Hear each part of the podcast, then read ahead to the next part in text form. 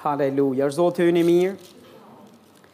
E di sot do t'jem duke mësuar në vazhdim të asaj çfarë kam qenë duke folur për dy herë radhazi. Po sot do të thellohem dhe do të flas për pjesën e dytë të frutave të pendesës. Bibla flet për fruta të denja pendese. Dhe shumë herë besimtarët as nuk e dinë çfarë janë frutat e denja të pendesës. Nuk e dinë. Dhe as nuk e paguajnë çmimin për këtë për të marrë këtë hap. Por që të marrin faljen e Perëndisë dhe pastrimin, e mëkateve të veta. Çdo individ duhet të mësojë cilat janë frutat e denja të pendesës dhe t'i japin ato. E di, uh, shumë herë besimtarët jetojnë në një botë iluzionare, duke menduar se mjafton një rrëfim i shpejtë dhe gjithçka u kthye në normalitet. Dhe rrëfimi ka vendin e vet pastor, sepse e para e Gjonit kapitulli një vargu nëntë, shkrimi i shenjtë thotë nëse dikush është në mëkat, le t'i rrëfejë mëkatet e veta dhe po t'i rrëfejmë mëkatet tona, Perëndia është besnik dhe është dhe i drejtë, na fal dhe na pastron nga çdo paudhësi. Ama, herë mbas here, besimtarët mendojnë se kur flitet për rrëfim, nuk është duke folur për pendesë. Dhe kur flitet për pendesë, nuk ka, nuk kemi pse bëjmë ndonjë, nuk kemi pse hedhim hapa pendese, nuk kemi pse japim fruta pendese. Por, Duhet të shohim çdo shkrim në Fjalën e Zotit dhe çdo të vërtetë në dritën e shkrimeve dhe parimeve tjera të Biblës. Nuk mund t'i ndash mënjanë nga pjesa tjetër e shkrimeve. Dhe kur them këtë jam duke thënë, kur Bibla thotë që rrëfeni mëkatin tuaj, në asnjë mënyrë nuk po anashkalon nevojën e pendesës dhe në asnjë mënyrë nuk po anashkalon nevojën e të dhënit frutave të denja të pendesës. Ne nuk jemi thirrur asnjëherë dhe në fakt një nga problemet që shohim në shkrime me kishën e hershme, me njerëzit dhe brezat e atëhershëm, po që duket se e njëjta e njëjta sfidë shkon brez mbas brezi është unifikimi mes fjalëve mes shpalljeve, mes rrëfimeve dhe zemrës dhe veprave në praktikë. Kemi plot njerëz që kanë mësuar të flasin biblikisht drejt, të rrëfejnë dhe kur ti dëgjon rrëfimet e tyre të mbetesh pa fjalë, por kur sheh jetën e tyre, kur sheh praktikisht si jetojnë jetën, ka një kontrast të madh Dhe nuk duhet të jetë kontrast mes rrëfimit tonë dhe veprave tona. Veprat tona dhe rrëfimi ynë duhet të jenë njësoj. Atë ça ne themi në publik a në privatësi, kudo duhet të jetë një me veprat tona. Një me mënyrën se si ne jetojmë në praktikë. Dhe Perëndia nuk është i interesuar për të bërë aktorë. Kur i kemi thënë po Jezusit, ne nuk jemi bërë hipokritë, ne nuk kemi hyrë në aktor, në, në, në, në rolin e aktorit. Ne jemi mësuar si të jetojmë në botë, po tani po mësojmë dhe si të jetojmë në kishë. Dhe jo ne nuk jemi thirrur dhe nuk kemi ndryshuar nuk kemi ndryshuar aktrim. Perëndia është interesuar për të na ndryshuar ne tërësisht në thelb me të vërtetë. Ai vërtet do të na ndryshojë jetën. Dhe kur i ke thënë po Jezusit, ti ke përqafuar jo një fe, Jo një filozofi, po ke përqafuar Perëndinë dhe rrugën e Tij. Dhe ke vendosur që nga dita kur i ke thënë po Jezusit, kur i ke thënë eja në zemrën time, ti i ke bërë Zotit një premtim besëlidhjeje, që unë do të jem me ty, do të ec në rrugët e tua, do të bëj çfarë të më thuash ti. Ti je Zoti im, ti drejtoj hapat e mia. Dhe kështu do ta jetosh jetën në fakt, jo vetëm me fjalë, por edhe me vepra. E di njerëz të Zotit, në fjalën e Zotit na thuhet, tek libri i Lukës, po shofim pak, libri i Lukës, kapitulli 3,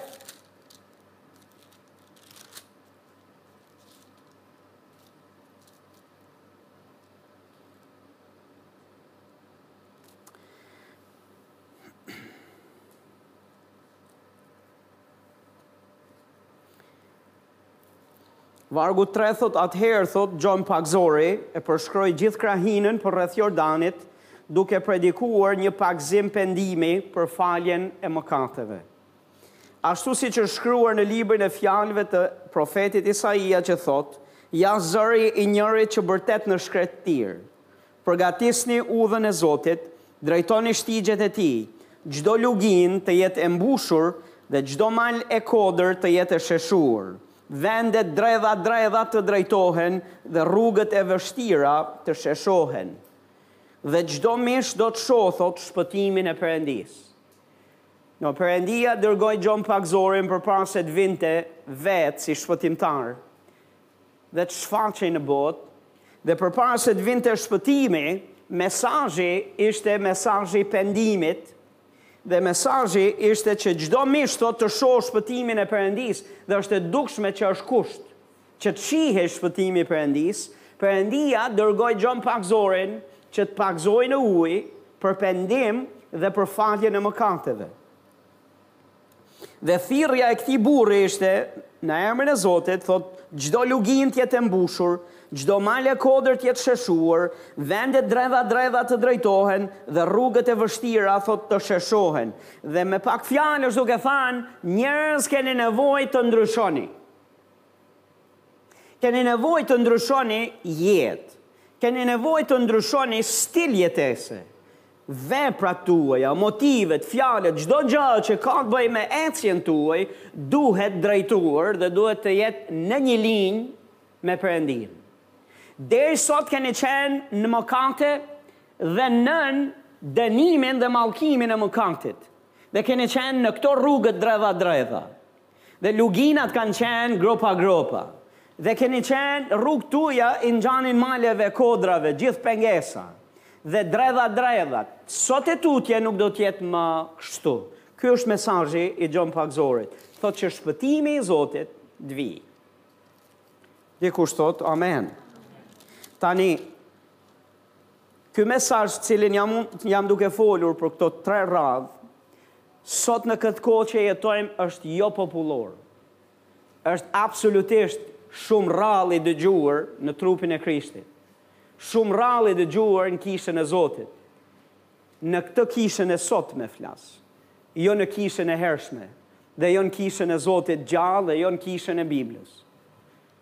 Jo njerëz të Zotit, Zoti Jezus Krisht nuk vdiq në drurin e kryqit që ne të përqafojmë një filozofi, një fe dhe të jetojmë si duam. Zoti Jezus Krisht vdiq në drurin e kryqit që të na ndryshojë jetën, të na çlirojë nga mëkati, të na ndryshojë jetën dhe mos të jetojmë më në rrugët tona të vjetra, mos të jetojmë më në rrugët tona të këqija, mos të jetojmë më pa kapresh dhe pa rregull, Po të jetojmë sipas rregullave të fjalës së Zotit, sipas Perëndisë. Të jetojmë një jetë të pastër e një jetë të shenjtë. Po çfarë shohim në Bibël? Shohim që ndër shumë njerëz që vinin tek Gjon Pagëzori,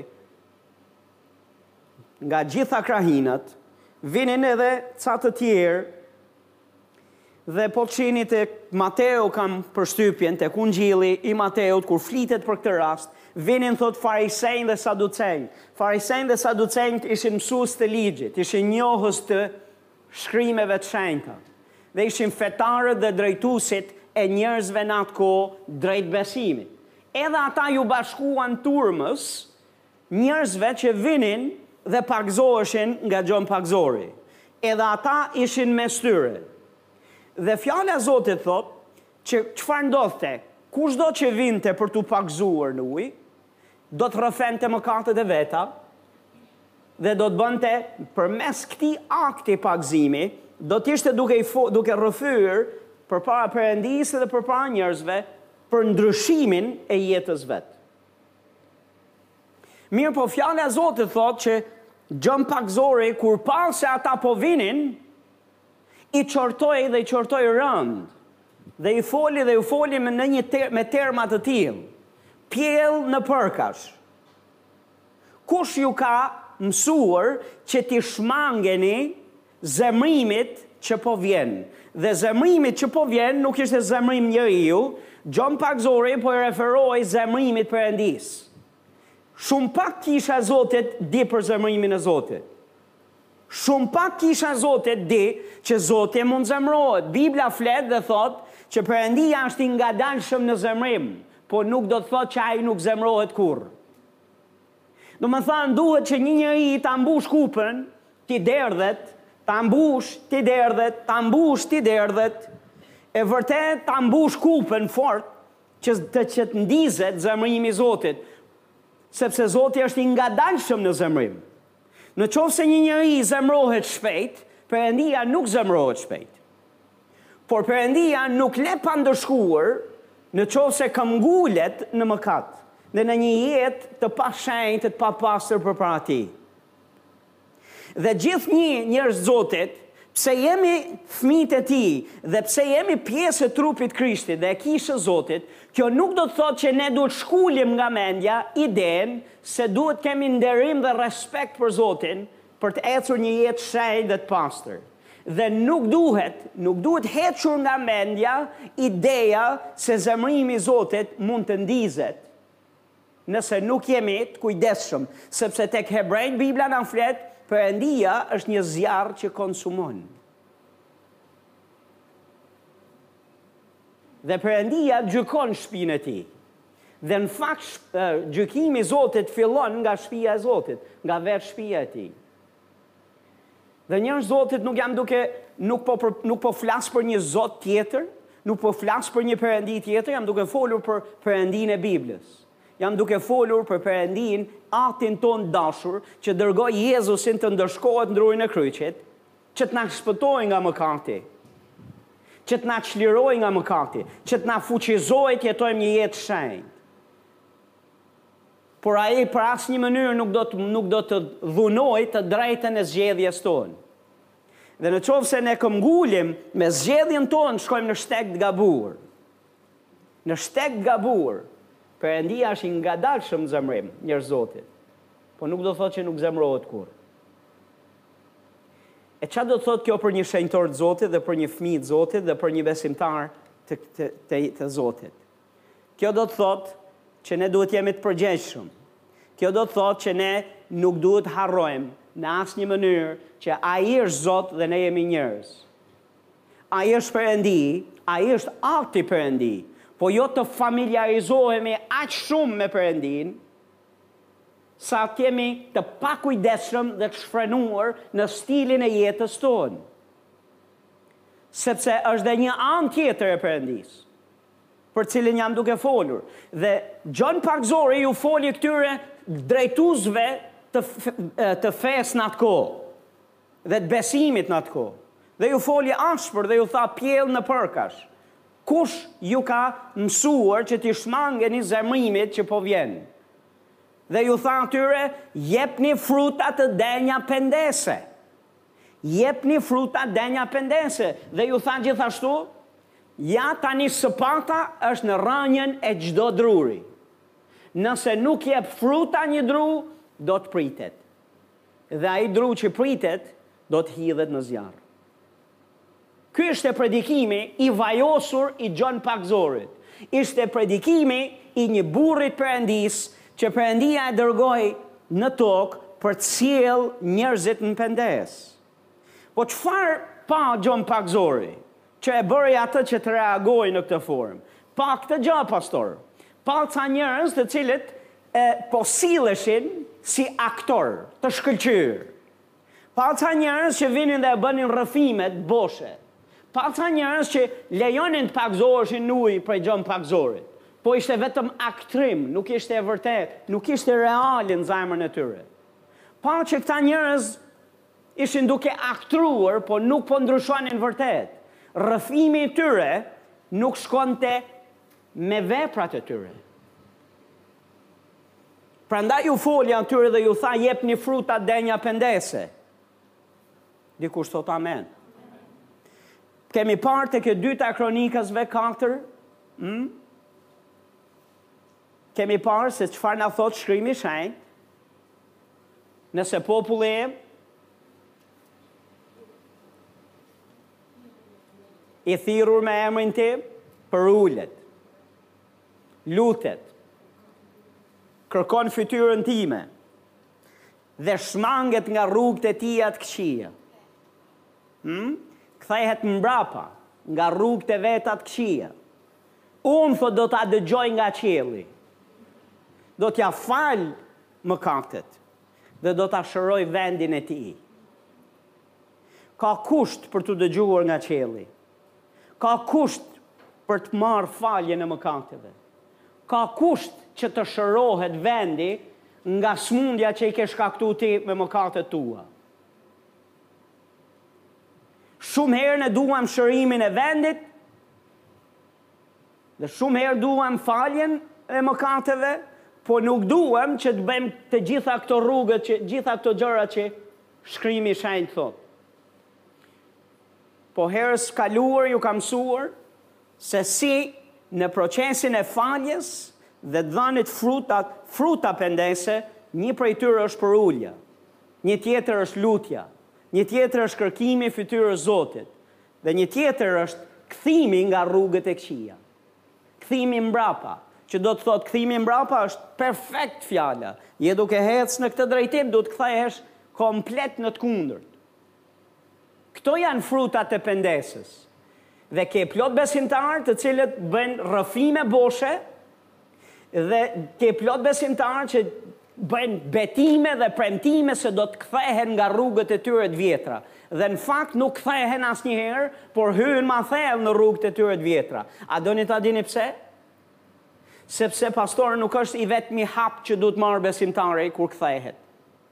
U ktheve, po ku do kthehesh? Dhe cilat janë frutat e pendesës? Sipas atij shkrimi, ti duhet të mësosh përuljen, ti duhet të lutesh dhe duhet të kërkosh fytyrën e Zotit, njëkohësisht që ti kthehesh mbrapa nga rrugët e tua të këqija. Sepse, pastor, Perëndia as që dëgjon nga qielli, dikë që nuk ka ndërmend që t'i marrë të gjithë këto hapa.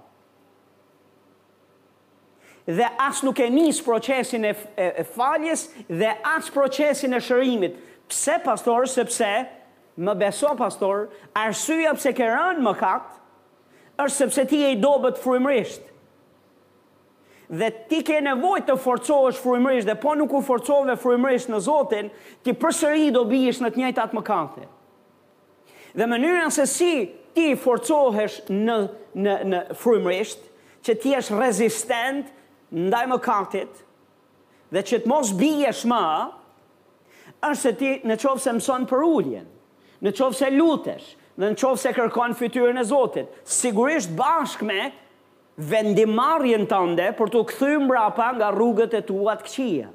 Jo vetëm unë betohem, kemi plot altarët e Zotit dhe kishat që vijnë dhe kemi besimtarë që lotojnë dhe shumica e tyre janë të sinqertë, me lot të sinqerta, Zot më vjen keq, Zot pendohem, Zot nuk dua të kthehem në rrugët e mia, Zot më fal, janë të sinqertë këtu,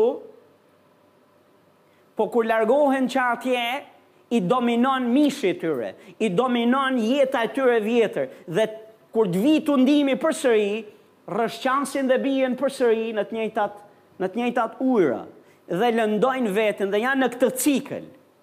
Hajde te altari i Zotit. Derdh lot, dil atje mëkato. Mëkato atje mezi pret që të vish edhe një herë derdh lot, kthehu përsëri dhe hy në këtë cikël dhe disa besimtarë janë bërë më të sofistikuar se sa kaq, ka vjen një pikë ku nuk derdhin më as lot. Po vjen një pikë ku kanë kanë bërë një pakt të brendshëm kështu jam unë nuk ndryshoj dot.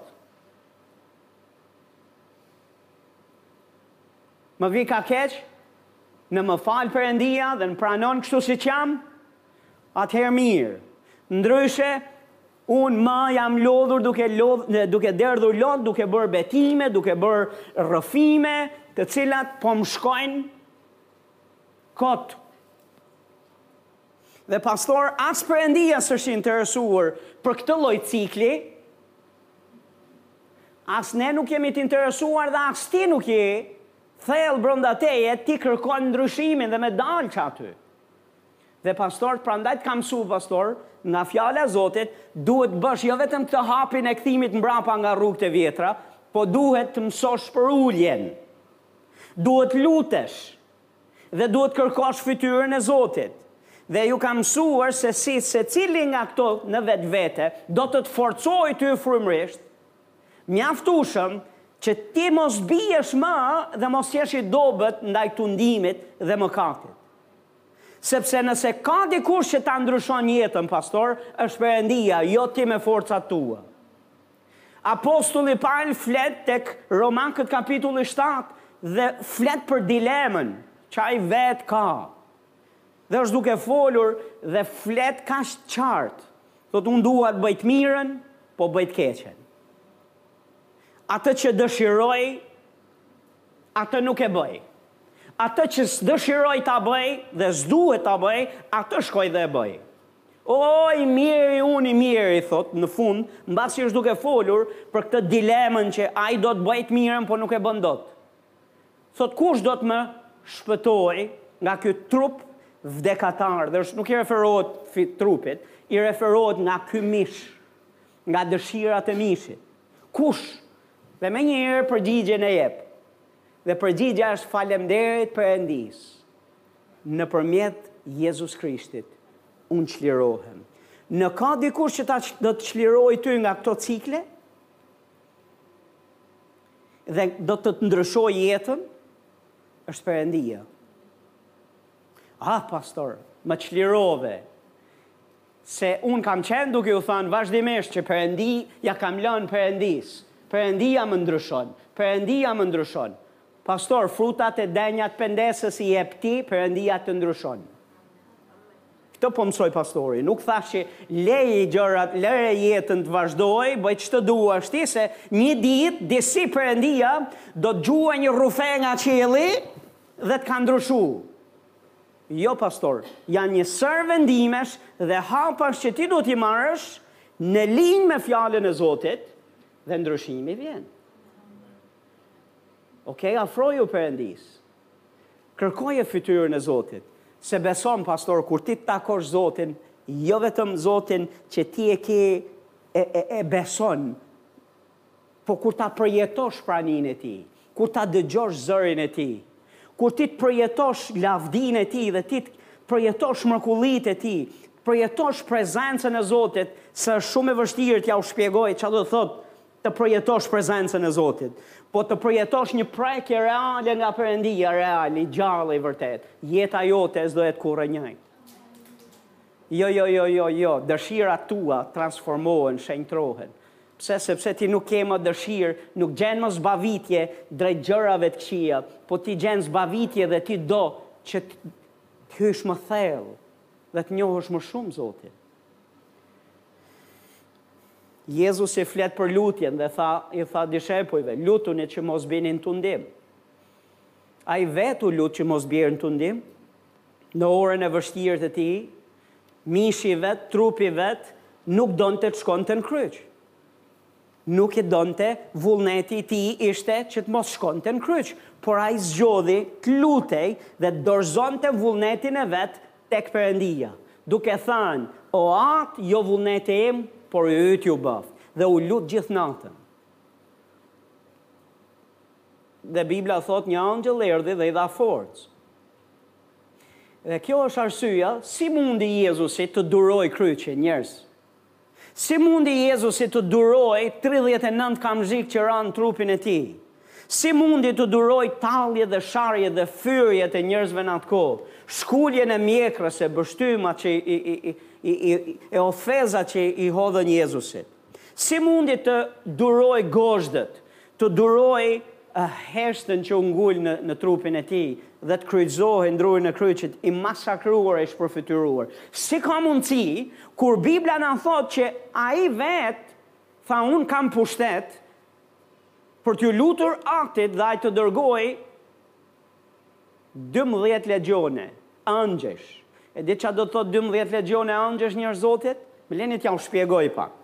Në Bibël na flitet në Testamentin e Vjetër që në në një rast kundër popullit të Zotit dhe një prej mbretërve të Izraelit që e donte Zotin shumë, hm, u ngrit një ushtri e madhe kundër tyre dhe i kishin rrethuar. Nga ana tjetër ishte mbreti i vetëm, populli që ishte i frikësuar se ça mund t'i gjente, nga krahu tjetër ishte ushtria kërcënuese. Bibla thotë Zoti në një natë dërgoi një ëngjëll dhe vrau njëqind e tetëdhjetë e pesë mijë njerëz brenda natës. Kur u çuan në mëngjes, Asnjë prej tyre nuk ishte gjallë. Një ëngjëll. Ai ne duket 185.000 njerëz brenda një nate. Jezusi tha, unë mund t'i lutem Atit të dërgojë 12 legjione ëngjëjsh. E di ça do të thotë një legjion? Një legjion sipas termave romak do të thoshte një ushtri prej 2000 deri në 6000 ushtarësh. Imagjinoni pak dymbëdhjetë legjione, dymbëdhjetë herë gjashtë mijë ëngjëj. Njerëz të Zotit do kishte nga një ëngjëll për njeri. Okej, për ndonjë që është pak më i shkathtë se sa unë në matematikë, një ëngjëll për njëqind e tetëdhjetë e pesë mijë njerëz? Pak rëndësi ka po e gjithë bota do shkrihej dhe askush nuk do mund të prekte Zotin Jezus. Po ai vdiq në drurin e kryqit, e dorëzoi veten e vet. Nga e mori Jezusi gjithë këtë durim, gjithë këtë forcë për të rezistuar? Sepse ai dinte çelësin e suksesit, lutja. Ai u lut, e u lut, e u lut, e u lut, e u lut, e u lut. Derisa dorëzoi tërësisht vullnetin e tij, dëshirat e tij dhe përqafoi vullnetin dhe dëshirat e Atit dhe iu dha forcë nga qielli. Njerëz të Zotit, ti mund t'ja dalësh pa lutje? Me vërtet. Me ti mundesh. Ti do të provosh Biblën që është gabim. Ti do të provosh fjalët e Jezusit që janë panevojshme. Sa kohë do ta provosh? Deri kur do ta provosh që ti nuk ja del dot me forcat tua, ti nuk ja del dot pa lutje? Pastor ndihem mirë sot. Prit pastor se sa ka nis dita. Dhe t'i tregoj unë ndjenjat tua të mira. Dhe ke plot besimtarë që ecin me ndjenja dhe me hënë. Ne duhet të ecim me lutje. Duhet të marrim kohë serioze në lutje dhe t'i kërkojmë Perëndisë hirin e çdo dite. T'i kërkojmë Perëndisë forcën e çdo dite, në mënyrë që t'ia dalim dhe të jetojmë një jetë të shenjtë dhe të pastër. Ok, ti ti zgjedh për t'u lutur këtu përpara, po nëse nuk shkon në lutje, pastor përsëri do jesh i dobët dhe kur të vijë tundimi, ti nuk do mund nuk do mund t'ia dalësh. Jezusi iu kthye nga dishepujt që flinin gjumë dhe iu tha, Zgjohuni, çohuni. Lutuni, që të mos bini në tundim. Dhe çfarë bënë dishepujt? Dishepujt fjetën në gjumë. Dishepujt nuk e dëgjuan fjalët e Jezusit. Dhe Jezusi ja tha më shumë se sa një herë të njëjtën gjë. Hmm? Ja tha më shumë se sa një herë të njëjtën gjë. Dhe pastaj erdhi te dishepujt, mbas si mbaroi lutjen dhe ju tha, Lutuni tani. Është vonë për lutje. Çohuni. Zgjohuni tani. Tani ka plot besimtarë që sa vijnë ushtarët te dera, siç erdhën për të marrë Jezusin, Atëherë kthjellohen dhe zgjohen dhe atëherë duan të luten. Po atëherë s'është koha për lutje, pastor. Atëherë është koha për është koha për t'u marrë me zinxhir dhe për të shkuar atje dhe për të kaluar gjërat të cilat kaluan, kaloi Jezusi. Dhe gjërat që kaloi Pjetri, gjërat që kaluan dishepujt në atë kohë. Dhe ne shohim që Pjetri, i cili ishte nga më guximtarët dhe më të fortët mes dymbëdhjetë dishepujve, që tha Jezus, Unë do vdes me ty, ti në kryq, edhe unë në kryq me ty. Një grua tha, Ai ka qenë me Jezusin. Dhe ai tha, Unë nuk e njoh Jezusin, tre herë. Nuk e njoh Jezusin. Ku i shkoi gjithë ai guxim, me gjithë ajo forcë? Si ka mundësi që ai ra, kaq i fortë e trim e premtus, është sepse ai ishte tërsisht në forcat e veta. Njerëz të Zotit, ne nuk kemi pse provojmë Gjëra të cilat i kanë provuar të tjerë. Gjëra që i ka provuar Pjetri, nuk ke pse i provon ti. Dikush thot, amen. A është Zoti ynë i mirë? Po më lini sot, sepse nuk dua që të përsëris veten ma, nga gjëra që kam mësuar herën e kaluar. Më lini të shkojmë tek pastor Jakobi, a do shkojmë tek pastor Jakobi bashkë? Më pëlqen shumë pastor Jakobi. Sepse është pastor sipas zemrës time, të them të drejtën. Është nga ata pastorë që nuk i nuk kursehet fare në gjërat që do të thotë dhe është shumë i qartë e i drejtpërdrejtë. Kështu që njerëz Zotit le të shohim cilat janë frutat e pendesës për Jakobin. Çfarë lloj frutash duhet të japë një besimtar për Jakobin? Nëse pamë Testamentin e Vjetër, dikush prej jush mund të thoni, "Ah, pastor, ajo është e Testamentit Vjetër." Prit të shkojmë te i riu, pastor. Jakobi kapitulli 4. Vargu 4. O shkelës dhe shkelëse të kurorës. Më falni, a kështu e lexoni edhe ju apo veç unë? Jo mo, s'ka mundësi. Do të kem lexu gabim. Jo njerëz Zotit nuk është fare gabim, është e shkruar këtu. Thot o shkelës dhe shkelëse të kurorës. A nuk e dini thot se miqësia me botën është armiqësi me Perëndinë. E bën shumë qartë Jakobi dhe i ndan nga njëra-tjetra dhe thot a nuk e dini Se miqësia me botën është armiqësi me Perëndinë. Dikush ndoshta thotë, nuk e dija. Nga sot e tutje, ti e di. Që miqësia me botën, dhe kur thotë miqësia me botën, nuk i referohet miqësia me njerëzit, po është duke folur për miqësinë që ti ke me sistemin e kësaj bote, me mënyrën si ata mendojnë. me mënyrën si flasin, me motivet, me sjelljet, me çdo gjë që bëhet atje jashtë, që praktikohet nga njerëzit që nuk besojnë. Ata janë bota. A jeni duke dëgju? Dhe thot miqësia me ta ose intimiteti dhe ajo harmonia që ti ke me ta, kjo thot Bibla, është armiqësi me Perëndinë, sepse t'i bësh qejfin atyre dhe të ecësh në rrugët e tyre, do të thotë që ti je duke kundërshtu Rrugët e Perëndisë, rrugët e Perëndisë janë ndryshe nga rrugët e mëkatarëve dhe njerëzve që jetojnë ndaras prej Tij. Dhe nuk ka një zonë gri. Nuk ka purgator, njerëz të Zotit, nuk ka fare as matan, as në këtë anë. Nuk ka një rrugë gri. Ka rrugë bardh e zi. Majtas djathtas, para mbrapa. Dredha dredha jo ka vetëm të tilla dhe thotë miqësia me botën është armiqësi me Perëndinë. Ai pra thotë që do të jetë mik i botës bëhet armik i Perëndisë. Apo pandehni thotë se shkrimi thotë kot, fryma që rri në ne a lakmon deri në smirë, një përkthim tjetër thotë fryma që rri në ne a është kaq i ndezur në xhelozi, Më kot. Perëndia të ka blerë me gjakun e birit të tij. Ti i përket atij. Je i thirrur me emrin e Krishtit. Dhe Perëndia është xheloz për jetën tënde se të ka blerë ty shtrenjtë në drurin e kryqit. Jo që të të ndajë me botën. Jo që ti të flirtosh me botën. Por që të jetosh në parimet e fjalës së Zotit dhe të jetosh për ta. Ai që do të jetë mik i botës, bëhet armik i Perëndisë. Vargu gjashtë deri tek vargu dhjetë, njerëz të Zotit, këtu janë frutat e pendesës sipas pastor Jakobit.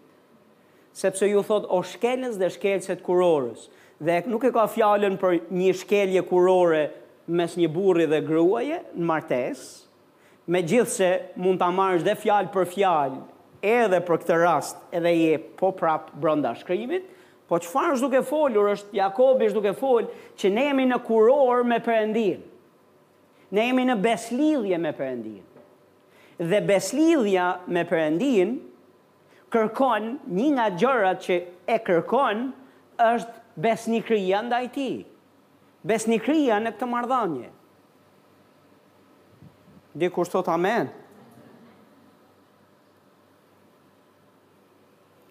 Ti ke hyrë në një marrëdhënie intime me Perëndinë, siç hyn një burrë dhe grua që kanë janë në në në në martesë me njëri tjetrin. Kështu ne jemi në kurorë me Perëndinë. Jemi në beslidhje me to.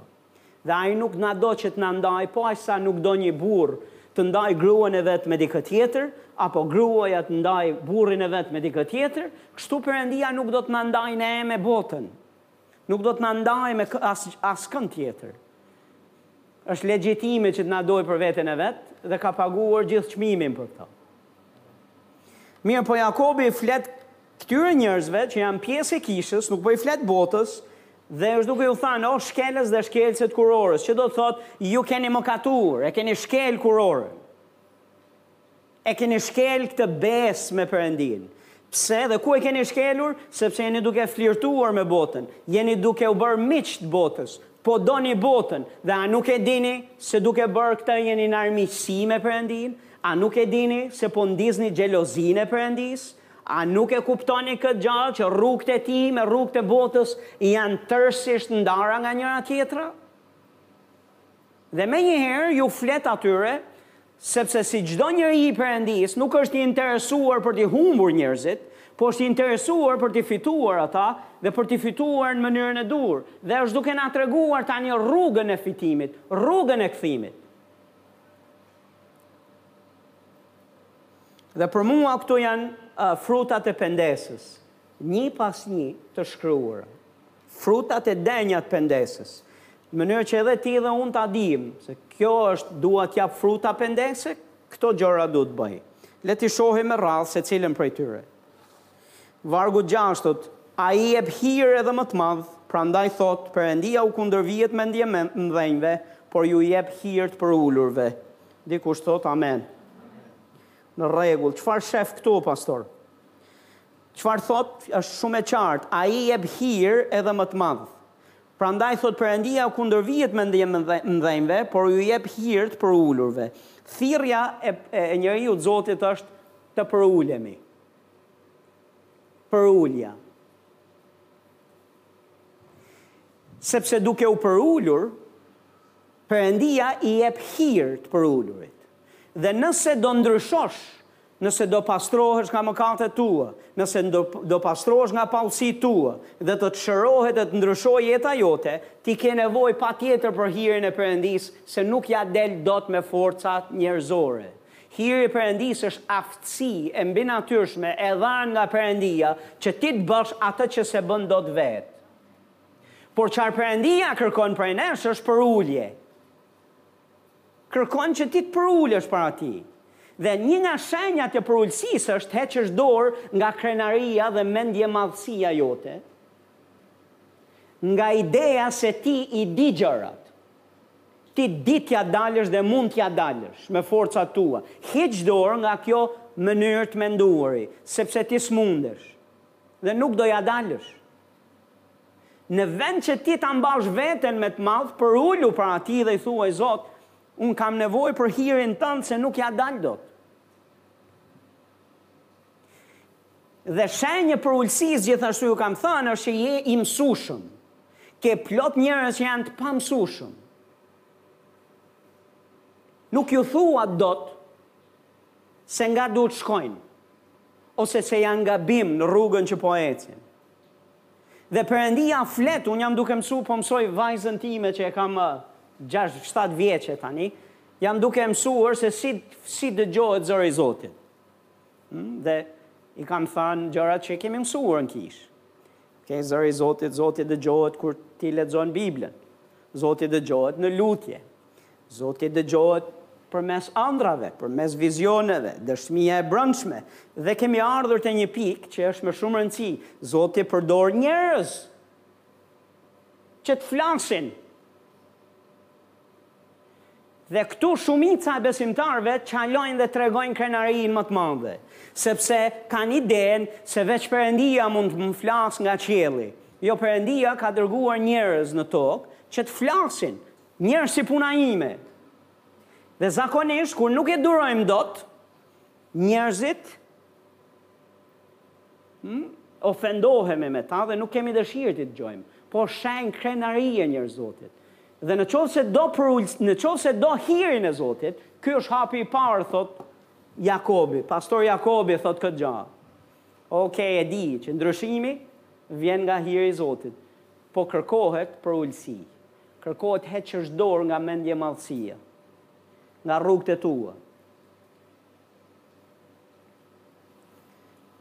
Do merrja shumë kohë të flas se sa përpara Zotit, se sa e se sa e keqe është krenaria dhe mendjemadhësia.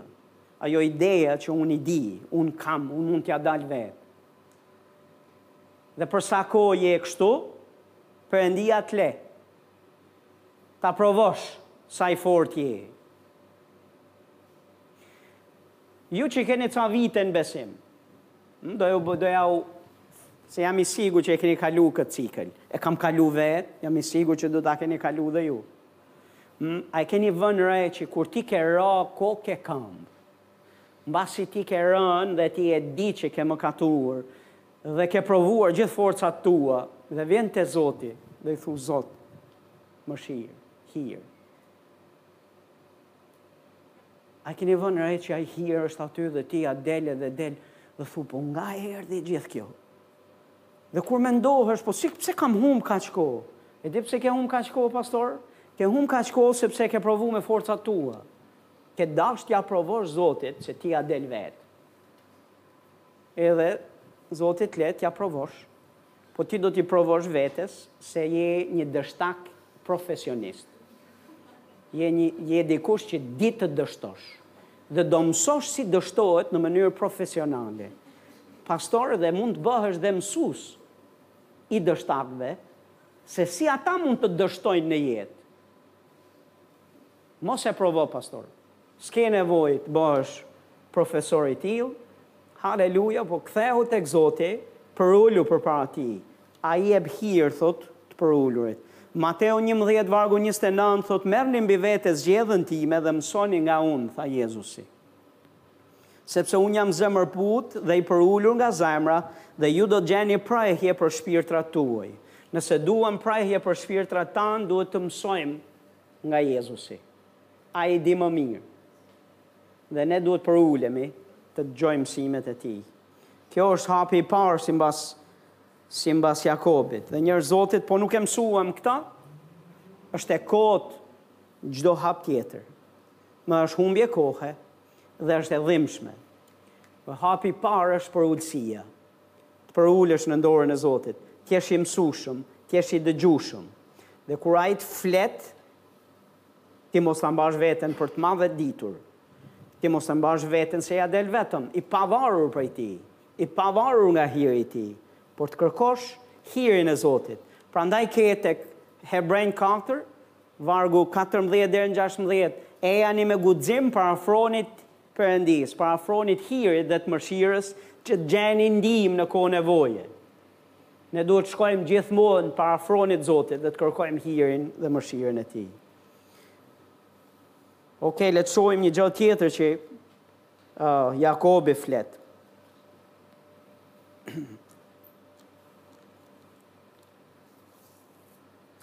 Vargu shtatë thotë nënshtrojuni pra Perëndisë, kundërshtoni djallin dhe ai do të largohet nga ju.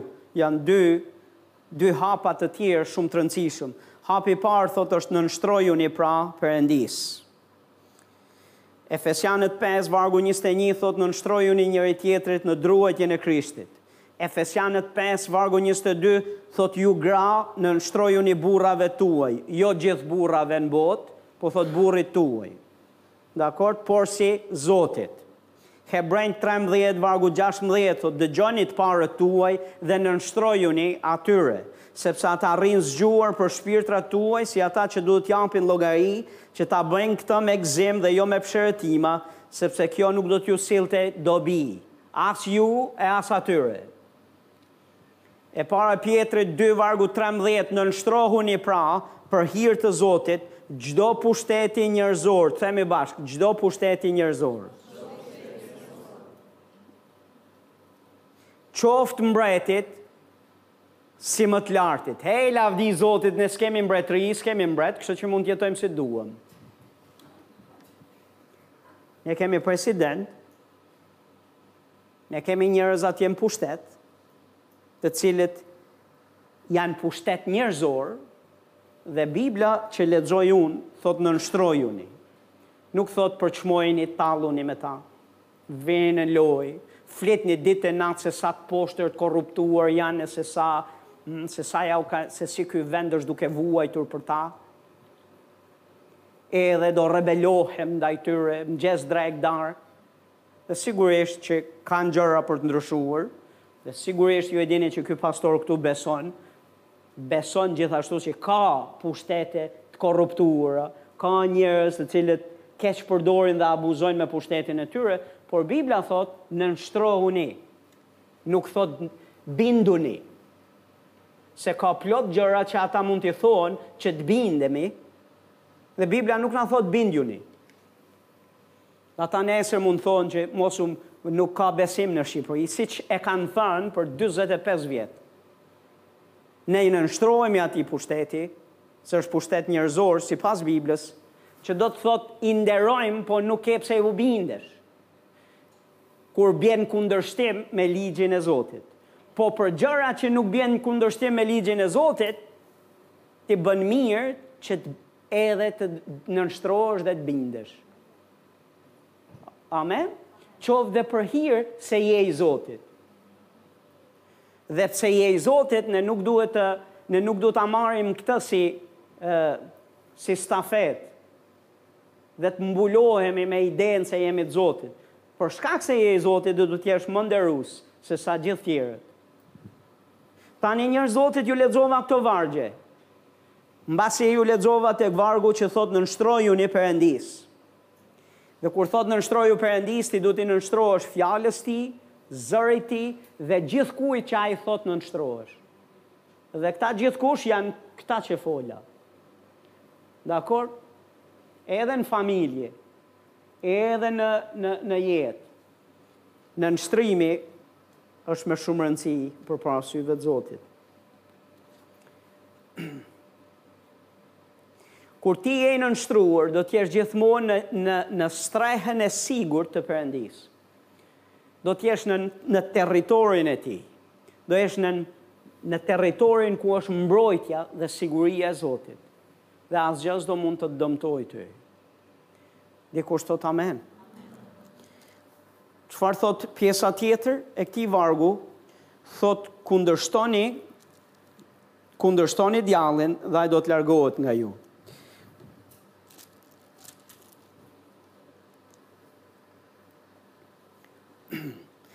Thirrja e Perëndisë është që të hysh nën autoritetin e Zotit. e para. Dhe mbasi të bësh këtë, thotë hapi i tretë është kundërshto djallin. Njerëz të Zotit, ne kemi folur që ka plot gjëra që ne si besimtarë bëjmë, që fajësojmë djallin si edhe ia faturojmë atij si shtysën dhe autorin e atyre gjërave dhe ka plot gjëra që nuk është ai shtysë. Dhe ka plot gjëra që mishi ynë është iniciator dhe ka plot gjëra që edhe ai kam përshtypjen është duke thënë wow si e ke bërë lëmsh jetën tënde duhet me marrë shënime sepse kështu nuk do më kishte shku në mend kaq bukur sa e ke bërë lëmsh jetën tënde dhe të tjerëve mu më ke habit duhet me marrë leksione dhe ka ca besimtarë të cilët janë Të paparë për këtë pjesë, por ndërkohë që them këtë pjesë të medaljes, është dhe pjesa tjetër e medaljes. Pjesa tjetër e medaljes është se ai është tunduesi ynë. Dhe Bibla thotë tek uh, e para Thesalonikasve 3 vargu 5 për këtë arsye edhe unë mbasi nuk rezistoja më, dërgova të marr vesh për besimin tuaj se mos ju kishte tunduar tunduesi dhe mundimi ynë të kishte shkuar kot. Tunduesi është Satani, është Djalli. Dhe Djalli është po aq real sa Perëndia. Dhe një nga cilësitë e tij, një nga uh, ligësitë e tij, është që të shtyjë besimtarët në tundim.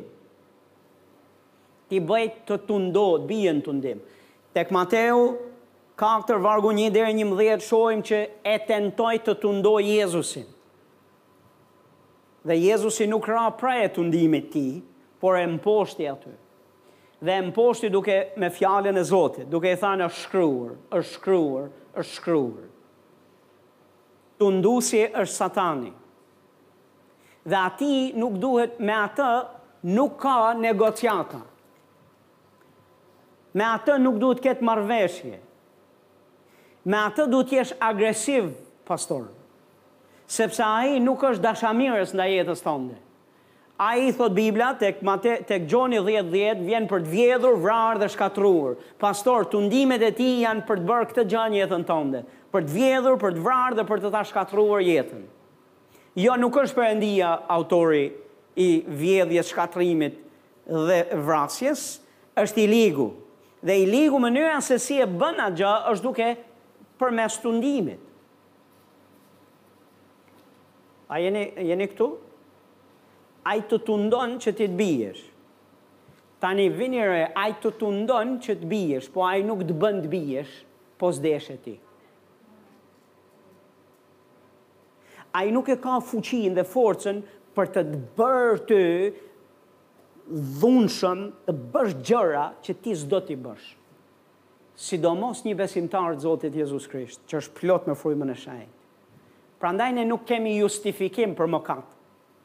Madje edhe bota nuk është e justifikuar për mëkat, aq më tepër ne. Ti mund të jetosh i pa mëkat, i pa të metë. Ti mundesh, nëse do. Ama çar duhet të bëjmë pastor kur je i tunduar? Pastor, Bibla thotë kundërshtoje djallin. Mos i jep vend atij. E para e Pjetrit 5 vargu 8 thotë jeni të përmbajtur, rrini zgjuar, sepse kundërshtari juaj djalli sillet rreth e qark si një luan vrumbullues, duke kërkuar cilin mund të përqafojë. Cilin mund të përpijë, thotë Bibla. E di, ke dy kahe ekstreme për mua kur mësohet për të ligun. Një kah ekstrem është djalli është një si një luan vrumbullues, por i ka i ka dhëmbët e thyera. Dhe nuk të kafshon, ai bën sikur të kafshon. Ma ai nuk ka fuqi. Nuk ka pushtet. Njëri krah. Krahu tjetër Është djalli më i fuqishëm se sa Perëndia.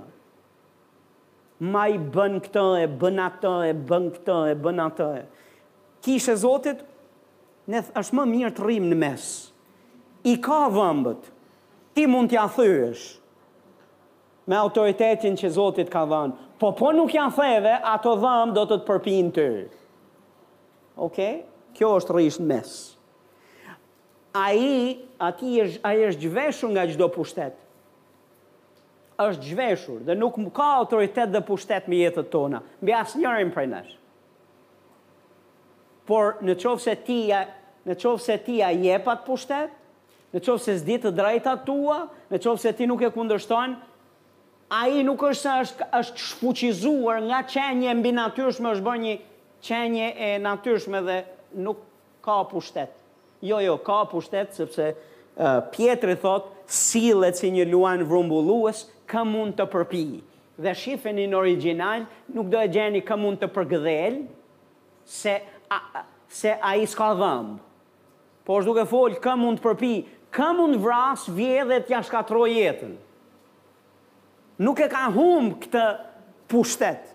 E ka humbë të drejtën mbi besimtarin dhe Perëndia besimtarit i ka dhënë pushtet ta kundërshtojë atë, ti mund ta kundërshtosh dhe kur ti e kundërshton ai largohet prej teje i terrorizuar dhe i frikësuar. Ti je më superior sesa ai. Po kjo nuk do të thotë që ai s'ka pushtet.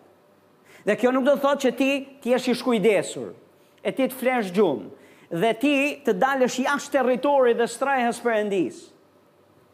Dhe kjo nuk do të thotë që ti mos ta kundërshtosh, se po nuk e kundërshtove, pastor, ai do të të shtyjë në rrugë që ti s'ke dëshirë të shkosh. Dhe ka plot raste, pastor, që djalli tundon dhe besimtarët bien. Po Bibla thotë ça duhet të bësh, kundërshtoje të ligun. Jo marrëveshje, jo pakte, po kundërshtoji ato me gjithë zemrën. Në emrin e çmuar të Jezusit e me fjalën e Zotit. Me armët që Zoti na ka dhënë, dikush thot amen.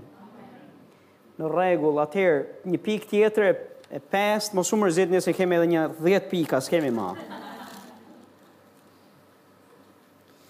Kjo është shumë e veçantë për mua, vargu tetë, nëse do më kishte pyet mua ë Jakobi, e do ishte konsultuar, do e kisha vënë të parën. Po ai e ka vënë diku nga mesi. Dhe jam i sigurt që nuk e ka renditur aty për të treguar radhën e rëndësinë e gjërave, po ata është duke mësuar. Dhe ja çfarë thotë, Afrojuni, afrohuni te Perëndia dhe ai do t'ju afrohet juve. Dhe duhet të ndaloj pak te kjo pjesë, sepse për mua kjo është pjesa, pjesa më e rëndësishme e gjithë këtij mesazhi. Afrohuni thotë te Perëndia dhe ai do t'ju afrohet juve. Perëndia pret që ti t'i afrohesh Atij. E dini njerëz të Zotit tek e para e Gjonit, kapitulli një, aty ku na thuhet rrëfeni mëkatet tuaja para Perëndisë, dhe Ai është besnik dhe i drejtë, t'ju pastrojë nga mëkatet tuaja dhe t'ju t'ju falë mëkatet dhe pastrojë nga çdo paudhësi. Ke plot besimtarë që kanë ndaluar veç te këto vargje, po është një varg më lart tek vargu shtatë, thotë dhe bashkësia jonë është me Perëndinë dhe birin e tij dhe me njëri tjetrin. Thotë dhe gjaku i Krishtit na pastron nga çdo mëkat. Ke plot besimtarë që duan të çlirohen nga dhimbjet që shkakton mëkati. Nga ajo ndjesia e papastërtisë që mëkati shkakton, dhe rrë për këtë arsye rrëfehen dhe motivi i tyre është po bëj çdo gjë që është e nevojshme që të ndihem i pastër e i lirë përsëri. Po edhe pse është fisnik si kërkesë, fisnike si kërkesë, Unë them duhet të shkojmë tek vargu shtatë fillimisht të kuptojmë këtë gjënë. Ti duhet të kërkosh bashkësinë me Perëndinë. Ti duhet për këtë arsye do të jesh i pastër. Për këtë arsye do të ndryshosh rrugë. Për këtë arsye kërkon falje, jo vetëm për t'u çliruar nga dhimbjet e tua apo nga pasojat e papastërtisë, por që ti të rikthehesh në bashkësi me të. Dhe ke plot besimtarë që duan këtë, faljen e pastrimin, po nuk duan bashkësinë me Perëndinë. Nuk duan t'i afrohen Atij, nuk duan që të kenë miqësi dhe marrëdhënie dhe të jetojnë jet një jetë bashkësie me Zotin. Gjaku i Krishtit pastron ata që e duan këtë bashkësi. A jeni këtu? Më ke plot që duan parajsën, po nuk duan Perëndinë. A jeni duke gju? duan mos shkojnë në ferr, por Perëndinë nuk e duan. E nuk shkojnë këto gjëra, këto dyja nuk shkojnë bashkë. Nëse e do Perëndinë, atëherë gjaku i tij pastron nga çdo mëkat. Atëherë vjen te hapi i rrëfimit, edhe rrëfimi do të ketë peshën e vet. Dikush thotë amen. Mirë njerëz të Zotit,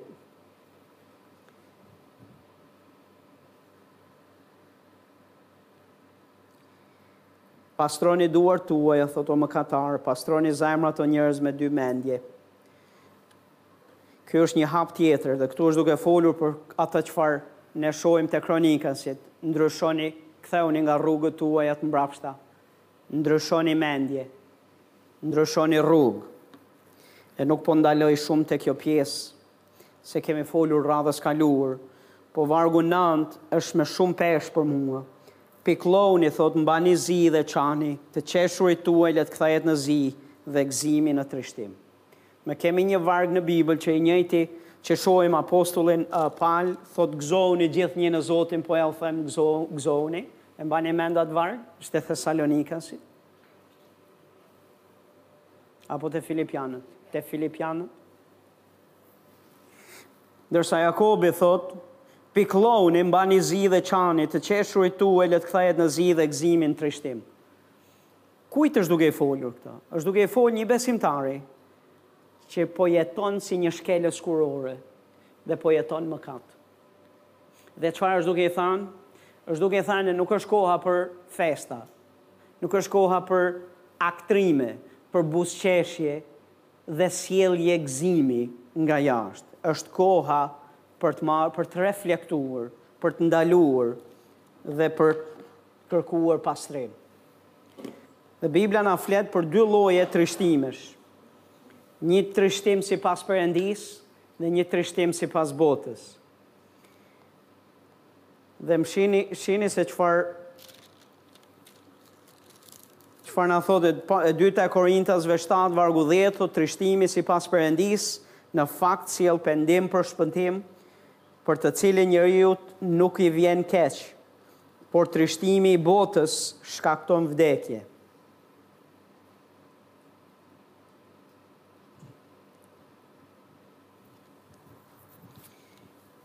Në qoftë se ka mëkat në jetën tënde, Njerëz Zotit nuk kemi folur nuk është koha as për ta mbuluar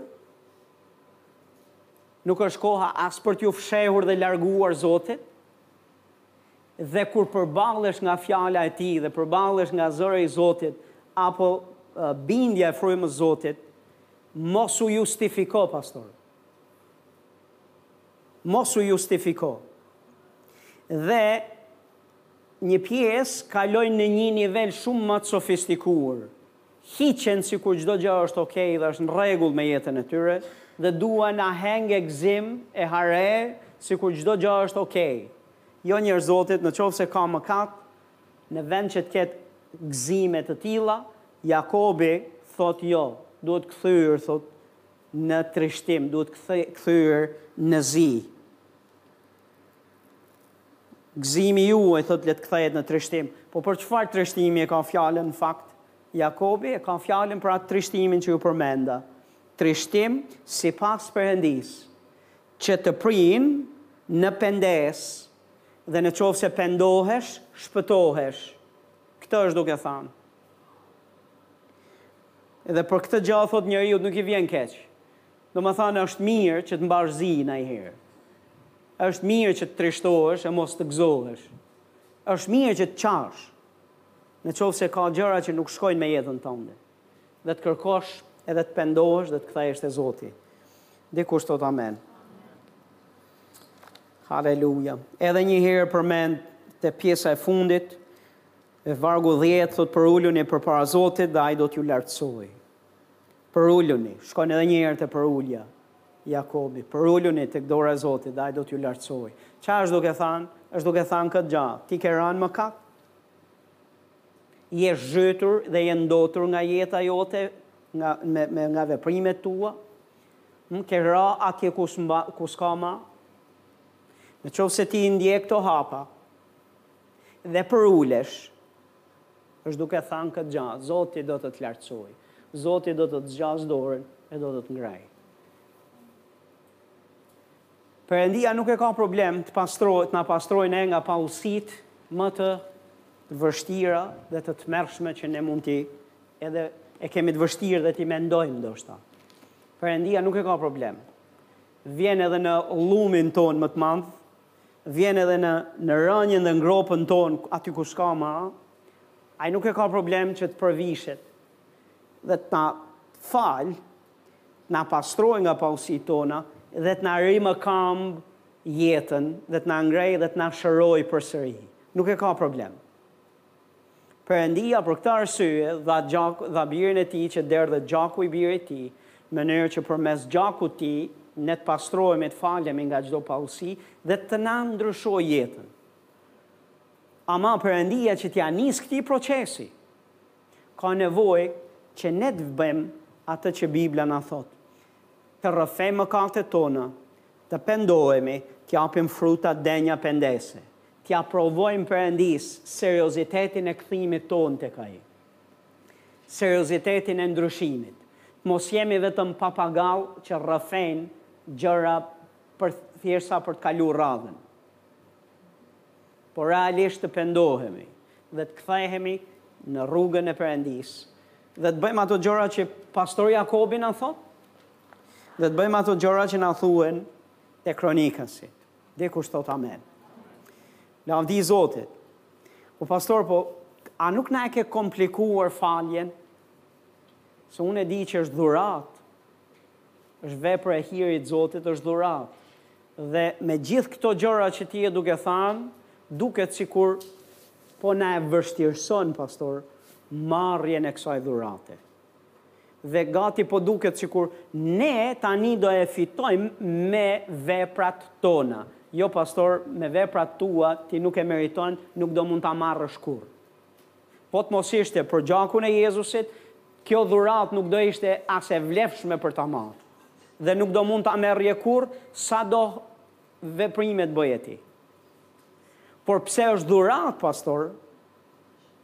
Kjo nuk do të thotë që ti nuk pozicionon veten tënde përpara Perëndisë në mënyrën se si Ai kërkon që ti ta marrësh këtë dhuratë. Dhe për këtë jam duke folë pastori.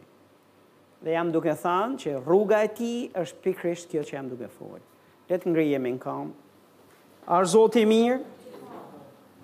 Sa prej jush e doni pastorin? Mjaftuan boll duar, mjaftushëm. Ato duar që s'u ngritën, unë lutem. Ju dua unë ju, mos keni merak hiç. A është Zoti i mirë? Zoti ynë është i mrekullueshëm. Është i interesuar që ti të mos derdhësh lot dhe të hysh në këtë cikël dhe mos dish si dalësh dhe të vish në një pikë ku bën një pakt brenda zemrës tënde të tipit që unë jam rast i pandreqshëm se ka ca që jau dëgjoj thirrjen e zemrës jam i pandreqshëm pastor jam lodh jam mundu jam përpjek shumë po nuk po ndryshoj dot pastor sa bëj dy hapa para bëj pesë mbrapa Bëj premtime pastor kur vij në kishë fuqizohem e marr zemër për ndryshim sa largohem që këtej atë që kam thanë se s'do ta bëj shkoj e bëj shkoj e bëj përsëri Pastor kjo është një thirrje zemre ke nevojë për ndihmë dhe prandaj ishte ky mësim për të të ndihmu ty Pastor përulu, pastor lutu, pastor kërko fytyrën e Zotit. Dhe nëse do dhe ktheu nga rrugët e tua të këqija. Dhe nëse do ma shumë hapa të detajuar shko tek Jakobi dhe ke ai flet edhe ma pak më me detaje po të njëjtën gjë, të njëjta gjëra është duke thënë. Dhe beson pastor nëse shkon te Zoti, lutesh, përulesh, dëgjon Zotin, mësimet e tij. Dhe ke zgjedhur për t'u shkëput nga jeta jote e vjetër. Nuk e lën asnjë litar, se po le një litar nga, nga dhe ke plot besimtarë që bëjnë, bëjnë pendesë të pjesshme dhe është një pendesë sa për t'ia hedhë Po kanë lënë ca litarë lidhje me botën. Besomë në ato litarë do varesh ti prap. Ato litarë do të marrin, duhen këputë të gjitha dhe duhet kthehesh komplet në rrugën në rrugën e re.